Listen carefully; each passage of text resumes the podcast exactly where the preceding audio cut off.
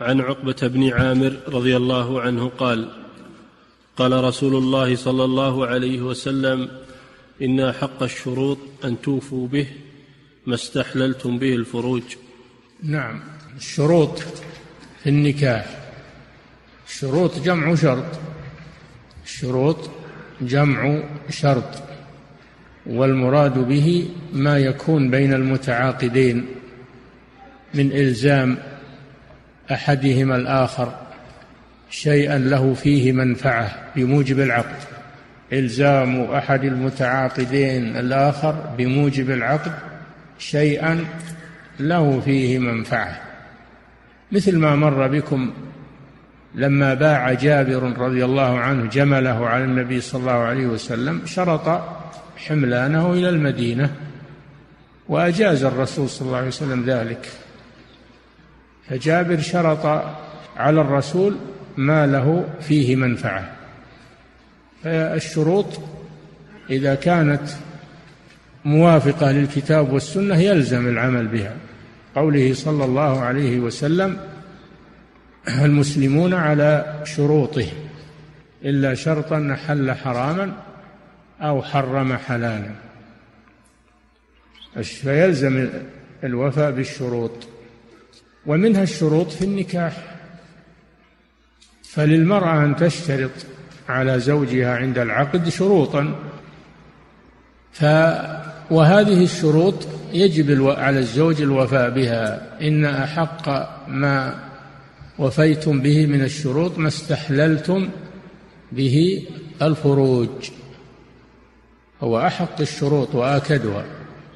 فهذا الحديث فيه أن أن الشروط في النكاح يجب العمل بها ما لم تخالف كتاب الله وسنة رسوله. لقوله صلى الله عليه وسلم كل شرط ليس في كتاب الله فهو باطل وإن كان مئة شرط.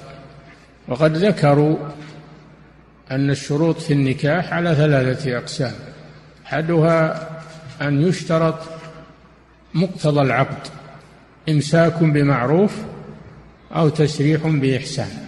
هذا شرط صحيح يجب الوفاء به وهو من مقتضى العقد ولو لم يشترط لكن إذا اشترط فهو من باب التأكيد. فإذا كان الشرط في النكاح هو مقتضى العقد فيلزم الوفاء به.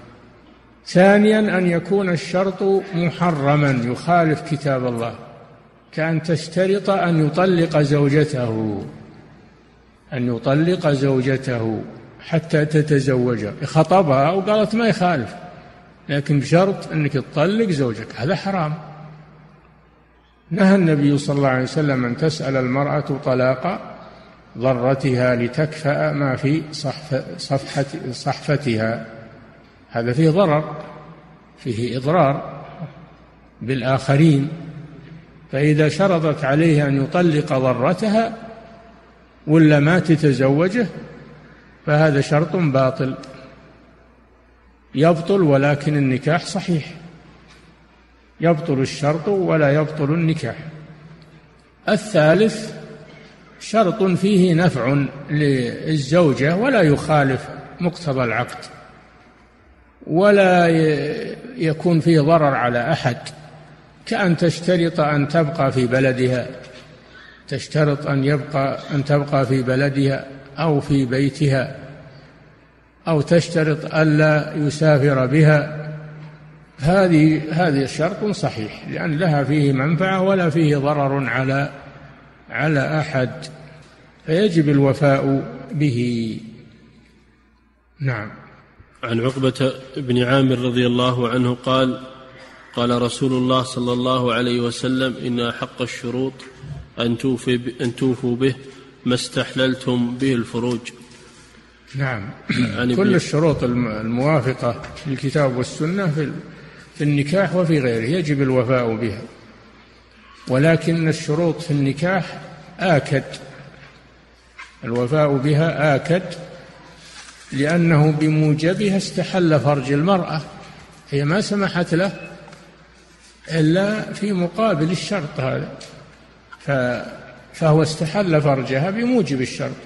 فيجب عليه الوفاء به. نعم.